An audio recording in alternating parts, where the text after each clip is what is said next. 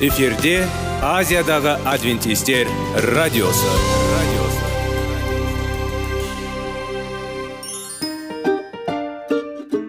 Сәлем достар. Денсаулық өмір бұлағы және біздің бірінші байлығымыз демекші денсаулық сағаты рубрикасына қош келдіңіздер.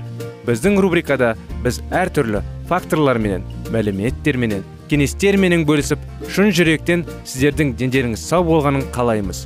Сол үшін біздің рубрикаға қош келдіңіздер. Дайындалып тұрыңыздар. Өйткені келесі минуттарда қызықты фактілерге ие боласыздар. Енді достар ең бірінші байлығымызды қолымызға алып алға кеттік.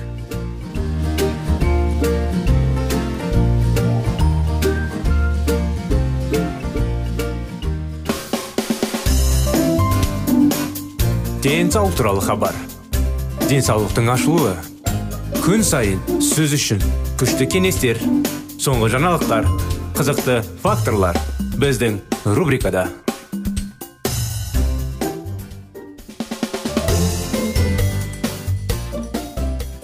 қытай зерттеулері көптеген зерттеулер бар ғой. Соның арасындағы осы тақырыпты біз бүгін таңдадық. Соны денсаулық сағат бағдарламасында өткізіп жүрміз. Біздің бағдарламамызға қош келдіңіздер құрметті достар құрметті біздің тыңдаушыларымыз. Ары қарай жалғастыра кетейік. Робертсон жасаған графиктерді. Бірінде жануар ақауызын тұтыну мен бүйрек тастарының пайда болуы арасындағы таң қаларлық байланыс көрсетілген. Графикте көрсетілгендей ұлыбританияда. 1958-1973 жылдар аралығында күннен бір адамға 21-дан астам бір унциядан сәл аз. Жануар ақауызын тұтыну жылына 100 мың адамға бүйрек тастарын анықтаудың жоғары билігімен байланысты. Бұл өте қызықты байланыс. Робертсон және оның әріптестері бүйрек тастарының пайда болу қаупін бағалаудың нақты моделі жасады. Робертсон тобы бүйрек тастарының пайда болу қауіптің алты факторын анықтаған. Қиындықтардың басты себебі жануарлар ақауызы деп танылды. Оның мөлшерін тұтыну бай елдер үшін әдеттегідей. Аталған тәуекел факторлардың төрттен алтыға дейін белсенуі әкелді. Жануарлар ақауыз ғана емес итермелейді қалыптастыру тәуекел бүйрек тастар емес. Әсер етеді олардың қайта білім беру. Робертсон жарияланған жұмырындар оның бүйрек тастарымен ауыратын науқастарға көмектесе алатындығын көрсетеді. Олардың рационыңда жануарлардың ақауыздары бар тағамдары қысқарту. Бұл қалай болады? Адам белгілі бір мөлшерде тамақ тұтынатын кезде құрамында жануарлардың ақауыздары бар. Зәрдегі кальций мен оксалан концентрациясы күрт артады әдетте бірнеше сағат ішінде робертсон ғылыми зерттеу тобы жариялаған бұл өзгертулер көрсетілген зерттеуге қатысушылар күніне 55 жануар ақауызын және қосымша 34-ке жануар ақауызын түнес түрінде қолданды бүйрек үнемі кальций мен оксаланттың жоғарылауын ұшыраған кезде бұл бүйрек тастарының пайда болуын әкелуі мүмкін бұл төменде келтірген робертсонның 1987 жылы жарияланған 80 және 37 жалауынан алынған. Өзінді тамақтанудың әсересе жануарлардың ақауыздары бар тағамдардың рөлін атап өтті. Уралитайс немесе уралатия бүйрек тастардың пайда болуы. Бұл әлемде деңгейдегі қиындық бұл сүт өнімдерін көп мөлшерде тұтынған кезде индустриалды дамыған елдердің көпшілігі үшін әдеттерде жоғары калориялы төмен талшықты тағамдары жеу арқылы күрделене түседі. Зерттеу нәтижелері негізгі қауіп факторы ет ақауызын едәуір тұтыну екенін көрсетеді. Эпидемиологиялық және биохимиялық зерттеулердің нәтижелерінен. Вегетариандық тағамның көп мөлшері бар және аз калориялы тағамдарға көшу бүйрек тастарының пайда болу қаупін азайтуға көмектеседі деп қорытынды жасауға болады. Болды сенімді түрде дәлелденсе жануар азық түлік ықпал етеді. Білім бүйрек тастар. Соңғы зерттеулер сонымен қатар білім беруді көрсетеді. Бүйрек тастары бос радикалдардың белсенділігінің салдары болуы мүмкін. Және құрамында антиоксиданттары бар өсімдік өнімдерін тұтынаған кезде оны болдырмауға болады. Осылайша тағы бір ағза орган және басқа ауру жағдайында. Атап айтқанда бүйрек тастарының пайда болуы. Біз асқазан мен өсімдік тағамдардың тұтынуының қарама қарсы әсерін байқаймыз. Қиындықтың көзі. Адамдар жақсы көреді жиі қабылдайды. Ол тиісті ретінде. Біз көзімізге ағзаның тірі бөліктері сияқты емес техникалық құрылғылар ретінде қараймыз және лазер олардың денсаулығын сақтаудың ең жақсы құралы деп сенеміз. Алайда соңғы 20 жыл ішінде жүргізілген зерттеулер бұл. Техникалық құрылғындарға біздің тағамымыз қатты әсер ететінін көрсетті. Таңғы ас түскі ас және кешкі ас көзінің екі жалпы ауруының дамуына әсер етеді. Катаракта және макулодистрофия бұл миллиондаған қарт адамдарға әсер етеді. Иә сіз оны дұрыс таптыңыз. Егер сіз өсімдік өнімдерін емес жануарлардың жесеңіз сіз соқыр болып қалуыңыз мүмкін екенін хабарлайды. Макуло дистрофия 65 жастан асқан адамдардан көру қабілетінің қайтамсыз жоғалуын басты себебі. Атауынан көрініп тұрғандай бұл аурудың мәні макула немесе макулалары жою болып табылады. Бұл көздің биохимиялық түйіндік бөлігі сарттың келетін жарық энергиясы жүйке сигналына айналатын жер. Осылайша макула маңызды рөл атқарады және адамның көру үшін ол қалыпты жұмыс істеу керек. Макуланың айналасында май қышқылдары бар. Олар сырттан келетін жарықпен реакция жасай алады және аз мөлшерде бос радикалдар шығарады. Жоғары химиялық белсенділікпен. Бұл бос радикалдар. Бұзылуы мүмкін яғни көрші тіндердің оның ішінде макулның дистрофиясына деградациясына әкелуі мүмкін. Бақытымызға орай біз үшін еркін радикалдардың әсерін көкөністер мен жемістерде кездесетін антиоксиданттардың көмегімен басуға болады. Беделді институттардағы тәжірибелі ғылымдар жүргізген екі зерттеуде дұрыс тамақтану макуло дистрофиядан қорғай алатындығын сенімді дәлелдер келтірілген. Екі зерттеуде 10 жыл бұрын жарияланған.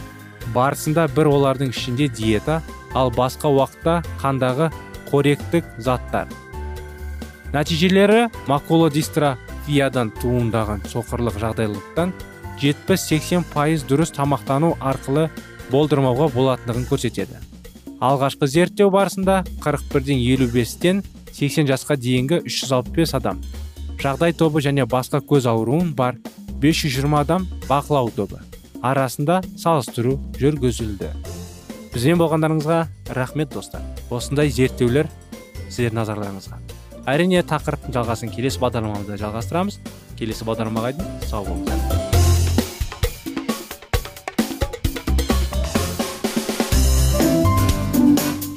Денсаулық туралы хабар. Денсаулықтың ашылуы. Күн сайын сөз үшін күшті кеңестер соңғы жаңалықтар. Қызықты факторлар біздің рубрикада.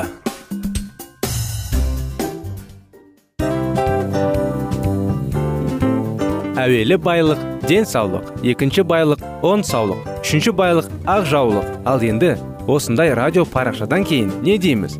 Барлықтарыңызға денсаулықтарыңыз зор болсын деп тілейміз. Денсаулықтың өзгеруі кішкентай нәрселерден басталады. Осымен біз берген кеңестер мен мәліметтер шын жүректен сіздер үшін қандай да бір болсын жәрдем берді деп үміттенеміз. Тыңдаушыларымызбен келесі радио парақшасына дейін қоштассамыз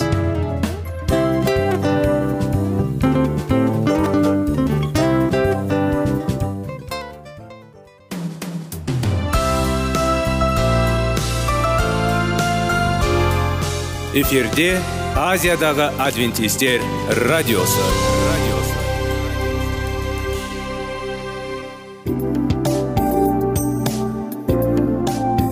Сәлем достар. Барлықтарыңызға шын жүректен сөйлесек рубрикасына қош келдіңіздер деп айтпақшымыз. Шын жүректен сөйлесек бағдарламасы әртүрлі қызықты тақырыптарға арналған. Шындығында шын жүректен сөйлесек деген сөздің мағынасы екі достың екі адамның ортасындағы шын жүрекпен сөйлесуі бір біріне сенуі ашықтық пен шындықты білдіреді. Сол үшін біздің бағдарламалар әртүрлі қызықты тақырыптарға арналған. Дайындалыңыз жаңа қызықты мәліметтерге ие болуға. Ондай болса кеттік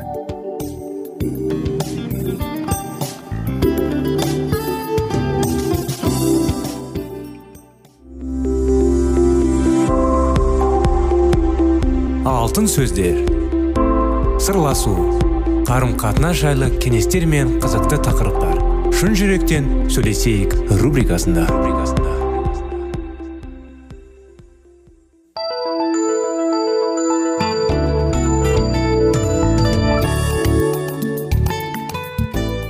Армысыздар құрметті достар құрметті радио тыңдаушыларымыз. Сіздермен бірге шын жүректен сөйлесейік бағдарламамыз. Қош келдіңіздер. Сіздермен бірге 25 керемет неке оқиға тақырыптарын бастаған едік. Соның бәрінде біраз кеңестер алып бірге оқып жаңа оқиғалардың анықтамаларын алған едік. Әрине анықтамалардан қарағанда көбінесе кеңес та қарым қатынастардың жайлы күйеу мен әйелдің арасындағы. Жалғастыра кетсек сіз көбінесе қай тілде сөйлесесіз? Осы дүниенің тілінде ме әлде көктегі тілде ме? Бірінші түрінің тілі өлім ал екінші түрінің тілі өмір әкеледі. Сіз әрбір жағдайда екі тілінің біреуіне сөйлеуге өзіңіз шешім қабылдайсыз. Тілдесу дегеніміз екі адамның өмірлерін біріктіріп басқа адамның жүрегін әрі ой санасында жол ашып беретін көпір іспетті некеде тілдесу тек маңызды ғана емес бұл өте қажетті нәрсе екен. Сөздерінің ерекше күші бар олар. Адамның жүрегін жаралайды не оны сауықтырады өмірді құртады не оны нығайтып көтереді. Біз нығайтатын көтеретін жігерлендіретін әрі сауықтыратын сөздерді ғана айтуға үйренуіміз керек. Біз біліп алғанымыздай үндемеудің әрі сөйлеудің яғни әр нәрсенің өз уақыты бар екендігін түсіндік. Сіз тыныш жерде отырып жұбайыңызбен мәселе жайында сөйлесуге ең қолайсыз уақыт қандай екенін ойланыңыз ал ең қолайлы уақыт қандай? Сосын енді келесі сұрақ неге? Жұбайыңызбен бірге қандай қиын жағдайда ұшырағаныңыз? Жайында қысқа мазмұн жазыңыз мысалы жоғалшы деген сияқты қандай ауыр сөздер ауызыңыздан шығатынын жазыңыз. Тоқталып тынышталып былай деп дұға етіңіз. Киелі рух. Енді мен бұдан былай осындай жаман сөздерді айтқым келмейді. Қорқыныш пен ашу ызада туғызатын сөздерді айтпауға көмектеседі. Сұраймын. Маған екеуміз туралы сенімге толы жақсы сөздерді айтуға яғни көктегі тіліңді сөйлеуге жәрдем бере көрші. Иса сеніп сұрадым аумин сіз құдайдың сөзін танып білу арқылы көктегі тілінің сөздегін көбейтіп аласыз. Өз жұбайының тілінде қалай сөйлеуге болады? Оған қандай жетістікке қандай жетуге болады? Киелі кітапта былай айтады. Өмірлерін сүйіспеншілікке байланысқан сияқты оның жолын қуаныңдар сүйіспеншілікті жеткізетін көп тілдер бар. Сіздің жұбайыңыз бір тілде сөйлеп ал сіз болсаңыз басқа тілде сөйлеп шығарсыз. Ағылшын мен қытай тілдерінің арасындағы айырмашылық зор болғанынан сіздің ішкі жан дүниелеріңіздің әрі жолдасыңыздың сөйлейтін тілдерінің арасында да үлкен айырмашылық бар. Сіз ағылшын сөйлейтін жолдасыңызға қытайша қаншама сөйлессеңіз де бір біріңізді қалай қатты сүйгендеріңізді түсінбейтін боласыз. Егер бір біріңізді қалай қатты сүйгендеріңізді түсінбейтін болсаңыз сіз сүйіспеншілікті жақсы көрсеткіңіз келсе онда біз жұбайыңыздың махаббатын тілін түсіне білуіңіз керек. Менің ақыл қорытындысы мынау. Махаббатының жаңағындай бес ең негізгі тілдері бар. Солардың арқасында адамдар бір біріне сүйіспеншілікті көрсетіп соны қабылдайды. Ол сөздер келесі сұрақтарға жауап бергенде бір біріңізді тілдерін біліп аласыздар. Жолдасымның қай әрекеттері өзімді сүйікті етеді сенуіңді сендіреді сезіндіреді. Оның істемегенін қайсы менің жүрегімді жаралайды? Өз жұбайыма көбінесе не талап етемін? Жылы және жақсы сөздер айтуымды ма? Бірге уақыт өткізуді ме? Ерекше сыйлықтар ма? Мені құшақтап қол тиюді ме? Әлде үй жұмысын істеуге көмектесуді ме? Мінекей осындай ойлар әрине. Соны жастап ойланып көріңіздер. Бірақ бар жерде тірлік бар. Біздің арамызда бірлік құдайды білмейтін адамдарға оның сүйіспеншілігін көрсетудің жаратқан иенің тәсілің болып табылады. Некеде басқа бірлікті сақтауға өмірдің өзге саласында осындай ғажайып мүмкіндік болмайды. Сіз екінші тарауларында естігендей некеге арналған жалып жоспар мен мақсатының анықтап алдық. Енді осы бағдарламаның аяғына дейін жеткенде біз сіздердің мақсатыңызға қолдайтын күнделікті бастапқы ең негізгі жайында жаңағы қалыптар жайында ойлауға ұсынамыз. Өміріңіздің ең басты әрі маңызды құдайдың тығыз байланысы болу. Неге құдай осыған аса маңызды көңіл бөледі? Сөз үшін оған барлық жағынан құрмет көрсету не мағынаны білдіреді? Сіз бен құдайдың араларында жақсы қарым қатынас некеңізге отбасыңызға жұмысыңызға әрі басқа салаларыңызға қандай әсер етеді? Сіз қалған өміріңізде жұбайыңызды қолдауға әрі оған қызмет етуге шешім қабылдадыңыз. Балаларыңыз үйіңіздің тастап жұмысыңызды жаңағыдай болашағы өзгеріп достар келіп кететін болады да. Ал сіздің некеңізде одағы өмірдің барлық мезгілдерінде болып қалады. Өз қарым қатынасыңызға қарап тұрып қарайтын кездеріңізде ең жақсы достар болып қалды деп айта аласыз ба? Некедегі қай жолмен бірікті болған қалайсыздар? Сізде бірікке көз қарасыңызбен немесе іс әрекеттеріңізбен зақым тіретін жағдай болды ма? Сонымен енді бағдарламамда сиіңіз уатан рие темені және жұбайымды келі әрі сүйкімді болуға таңдап алдым. Өз жолдасым келі рухтың арқасында мейірімділік игілік кішіпейілдік мойынсыну әрі шыдамдылықты көрсетуге ратығымды бере гөр жұбайымның өмірінің сөздерімен де іс әрекеттерімен де жақсы етуге жәрдем берші. Бөлек болғанымыздан гөрі бірге болғанымыз жақсы екендігіне сенемін. Себебі бір бірімізге гүлденуге көмектесе алады екенбіз. Сені жақыннан танып білу үшін әр бір бірімізге қызмет ету үшін ең бастысы сондан ретке келтіруге көмек беруді сұраймыз. Соның бәрін иса мәсіхаттың атынан сұрап сиындық аумин. Осындай кеңестермен құрметті достар осы бағдарламамызды аяғына келіп тоқтатамыз. Келесі бағдарламаларда келесі жаңа тақырыптармен күтіп келесі бағдарламаларға дейін сау болыңыздар дейміз.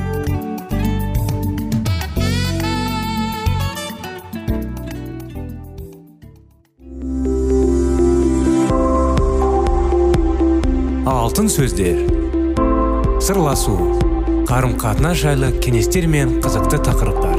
Шын жүректен сөйлесейік рубрикасында.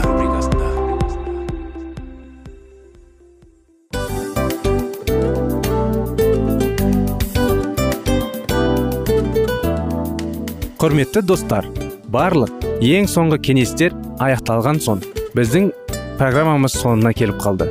Осы біздің мәліметтер осы рубрикада айтылған әрбір сөздер сіздерге өзінің қандай да бір пайдасын алып келді деп шын жүректен сенеміз. Және бұдан да көптеген рубрикаларымыз бар. Басқа рубрикаларымызда біздің зерттеулерімізде сіздер үшін тағы да қызықты мәліметтер дайын. Біздің шын жүректен сөйлесейік парақшамызда көптеген әдістер ең соңғы кеңестер адамның нравственность жақтан моральдық жақтан тазалап байыта тұрған соңғы кеңестердің барлығын жанарады. Сондықтан алдыңғы күндерде бізбен бірге болыңыздар. Өйткені барлық қызықтар алдыда. Бізбенен бірге болғандарыңызға үлкен рахмет. Келесі кездескенімізше сау сәлемет болыңыздар.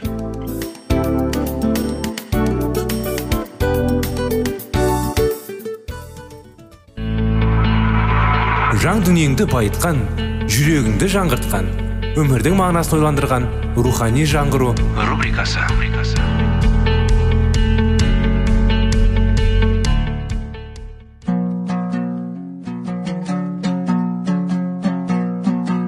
Ассалаумағалейкум біздің тыңдаушыларымыз.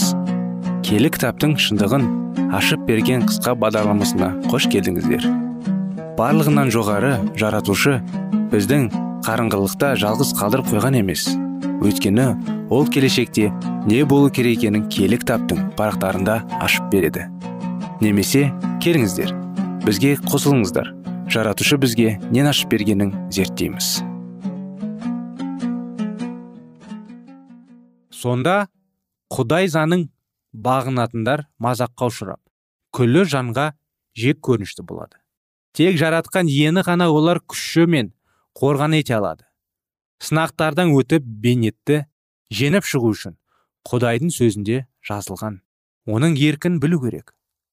Сонда ғана олар алланың мінезін көріп оның билігін пиғылын дұрыс түсініп соған сай әрекеттер жасап жаратқанды дұрыс құрметтей алады. Бұл соңғы шайқаста құдай сөзінен сусындағандар ғана аяқтарына нық тұрады. Әрбір жан басы байлы шешім қабылдайтын кез келеді. Сонда сен алланың дененің орындайсың ба? Не болмаса адамның дегенінің көнесің бе? Мәсіхке деген сенімін мен алланың парызын қорғай аласың ба? Мәсіх өлім жазасына ұсынулар алдында шәкірттеріне өзінің өліп сонан соң қайта тіріліп молладан шығатынын жайлы айтқан болатын. Ал періштелер болса оның сөзінің елшілердің жүректерінде таңбаланып қалау үшін тырысқан.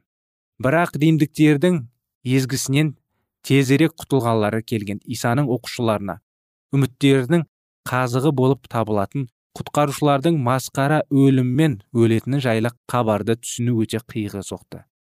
Сол себепті сынақтан өту мезгілі оларға қапелімде келді. Бұл соққыға шыдамған олар жан жаққа батырып кетті. Ақыр тақаған кезде адамзаттың басынан өтетін өмір киелі жазбада анық жазылған. Бірақ көпшілік қауым бұл ақиқатқа дұрыс көңіл аудармайды. Қасірет мезгілін жұрттың басына күтпеген жерден тудыру үшін ібіліс қажетті ілімінің таралуына барынша кедергі жасап тұр. Киелі жазбада біздің құтқарушымызға байланысты аяндар анық жазылған. Қара хайуан мен оның мүсініне табынатындарға шығарылатын үкім барлық жандарға аяндарды мұқият зерттеуі керек. Себебі олар хайуанның мүсіні туралы дұрыс түсінік алып одан қандай жолмен құтылуға болатынын білулері қажет. Өкінішке орай халық ақиқатқа құлағын тарс жауып алып керісінше аңызға көбірек көңіл бөледі. Бұл жөнінде паул былай дейді дені дұрыс ілімді қабылдамайтын заман келді. Осы айтылған мезгіл жеткен секілді. Өйткені қазіргі заманның адамдары киелі жазуда берілген ақиқатты қабылдамайды. Оны тіпті мойындағандары да келмейді. Неге десеңіз бұл ақиқат олардың үйренішті өмірімен сәйкеспейді. Шайтан олардың саналарын уландырып өздерін қиялдарын көздерін ашып жан жақтарына қарауға шамаларын келтірмей тұр. Бірақ жер бетінде құдай десе ішкен асын жерге қоятын оның дегенін бұлжытпай орындайтын қалаулы халқы да бар. Олар үшін барлық ілімінің өлшеуші және күллі реформаның негізгі киелі жазба болып саналады. Ғылымдардың пікірлері ғылыми тұжырымдарлар доктриналар шіркеулердің қаулылары көпшіліктің дауысы оларды тіке жолдан тайдыра алмайды. Кез келген ілім алла солай айтады деген құдай сөзімен растаулы керек. Ібіліс жұрттың көңілін құдайға емес маңайындағыларға аударғысы келеді. Адам өзінің парызын білгісі келсе киелі кітапты жеке басы зерттеу керек. Егер олар адамдарға қараса. Атап айтқанда епископтарға пасторларға діни қызметкерлерге имандарға моллаларға қандай да бір ұстаздарға қараса жақсы жолдың тайып жаман жолға түсіп кетуі әбден мүмкін. Ал бастының күтіп тұратыны да осы. Мәсіх иса жер бетіне келгенде көпшілік қауым оны қуана қарсы алды. Оның алдына ілім алды. Бұл халықтың ішінде көптеген діни қызметкерлер де болды. Бірақ басты діни қызметкерлер мен халық көсемдері оны қабылдамады. Оның құдайдың рухани ұлы екенін әдейілеп жіберілген елші екенін мойындалмады. Халықтың көкейінде неге ол елші болса кітап адамдары мен парызшылар оны қабылдамайды. Егер ол шынымен де мәсіх болса айтулы тақуалар оны қабылдамас па еді? Деген ой туындады. Соларға қараймыз деп жүрген израиль халқы өздерінің құтқарушыларын танымады. Сол кездегі жаман рухпен қаруланып алған діни басшылар секілді сырт көзге қарағанда мейірбан болып көрінетін адамдар қазірде аз емес. Айтулы жандар киелі жазбада беріліп тұрған қазіргі заманға қатысты ақиқаттары оқымайды. Олар өздерінің қатарларының көптігіне риза болып байлығы мен атағына мастанып сенімдері басқалардан өзгеше. Ілімдерді кеңінен қолдау таппай тұрған ақиқатты. Жақтаутаушы аз топқа жек көрушілермен қарайды. Қолдарында заңсыз тиген кітапшылар мен паршылар құныққан билік яхудилердің батырып кетулерімен аяқталып қана қоймайтын иса жақсы білген болатын. Ол көрген көзбен барлық ғасырларда да ғибадатхананың кесірі болған әр ұжданың үстінде ойнақтайтын адамның билігінің дәс көтерілісінің көріп тұрады. Сол замандардағы істердің үлгі етуге келмейтінін кітапшылар мен паршылар жайлы әңгімелер киелі жазбада келер ұрпаққа насихат етіліп қалдырылған. Рим католиктің шіркеуі киелі жазбаны талқылауға дін қызметкерлерінің ғана құқығы бар деп есептейді. Реформация киелі кітапты барша халықтың қолына ұстанғанмен римнің барлығына мойындатқан ұстанымдары бойынша басқалар да сол секілді протестант шіркеулері де адамдарға киелі кітапты өз бетінше зерттеуге кедергі жасайды. Олардың айтуынша шіркеу киелі жазбаны қалай талқыласа халық оны солай қабылдау керек. Мыңдаған адамдардың шіркеулердің доктриналарына қарама қайшы келетін ақиқатты қабылдауға батыл дары бармайды. Киелі жазбадағы жазылған анық ақиқаттарға қарамастан көпшілік жандар діндарлардың сөздерін мүлтіксіз қабылдайды. Кейбіреулер құтқарушының сөздерін көңілде аудармайды. Сол діни қызметкерлер не айтса соған сене береді. Сол қызметкерлердің өздерін күнәсіз деп кім айта алады? Олардың тартылып жатқан ілімдерін киелі жазу құптамасы. Қалайша оларға сенуге болады? Құдай сызған ақиқат жолымен жүру үшін де адамдарға ерлік керек. Киелі жазуды өз бетімен зерттеу еретіндерін жалған ілімінің құрбаны болып қала береді.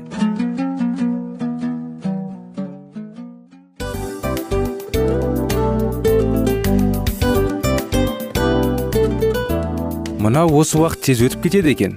Біздің бүгінгі рубрикалардың аяғына да келіп жеттік. Ақпаратымызды парақшамызды қазір ғана бастаған сияқты едік. Соңында да келіп қалдық. Уақыт деген тегі білінбей өтіп кетеді екен. Бүгінгі 24 сағаттың алтындай жарты сағатын бізге бөліп арнаған үшін рахмет. Егерде өткен сфераларда пайдалы кеңес алған болсаңыз біз өзіміздің масатқа жеткеніміз. Кеңестерді қолданам десеңіз өзгерістерді кішкентай қадамдардан бастап іске асыра беріңіздер де жасағандарыңыз үлкен үлкен жетістіктерге жете берсін. Шын жүректен әрбір берілген кеңестер сөздер сіздерге пайдасын әкеледі деп сенеміз. Сіздермен бірге кездесулерімізді сөзсіз түрде асыға күтеміз. Сәтті күн тілеп сіздер менің ұзаққа қоштаспай келесі кездескенімізше тек қана сау саламатты болыңыздар дейміз. Достар біздің бағдарлама бойынша сұрақтарыңыз болса әрине сіздерге керекті анықтама керек болса біздің whatsapp нөмірімізге хабарлассаңыздар болады. Плюс бір үш жүз бір жеті жүз алпыс алпыс жетпіс. Иә достар сіздер қателеспедіңіздер бұл біздің номерлерге ұқсас болмаса да бұл whatsapp номер арнайы. Хабарласыңыздар сұрақтарыңызды қойып тұрыңыздар. Анықтаманы алып тұрыңыздар. Плюс бір үш жүз бір жеті жүз алпыс алпыс жетпіс whatsapp номері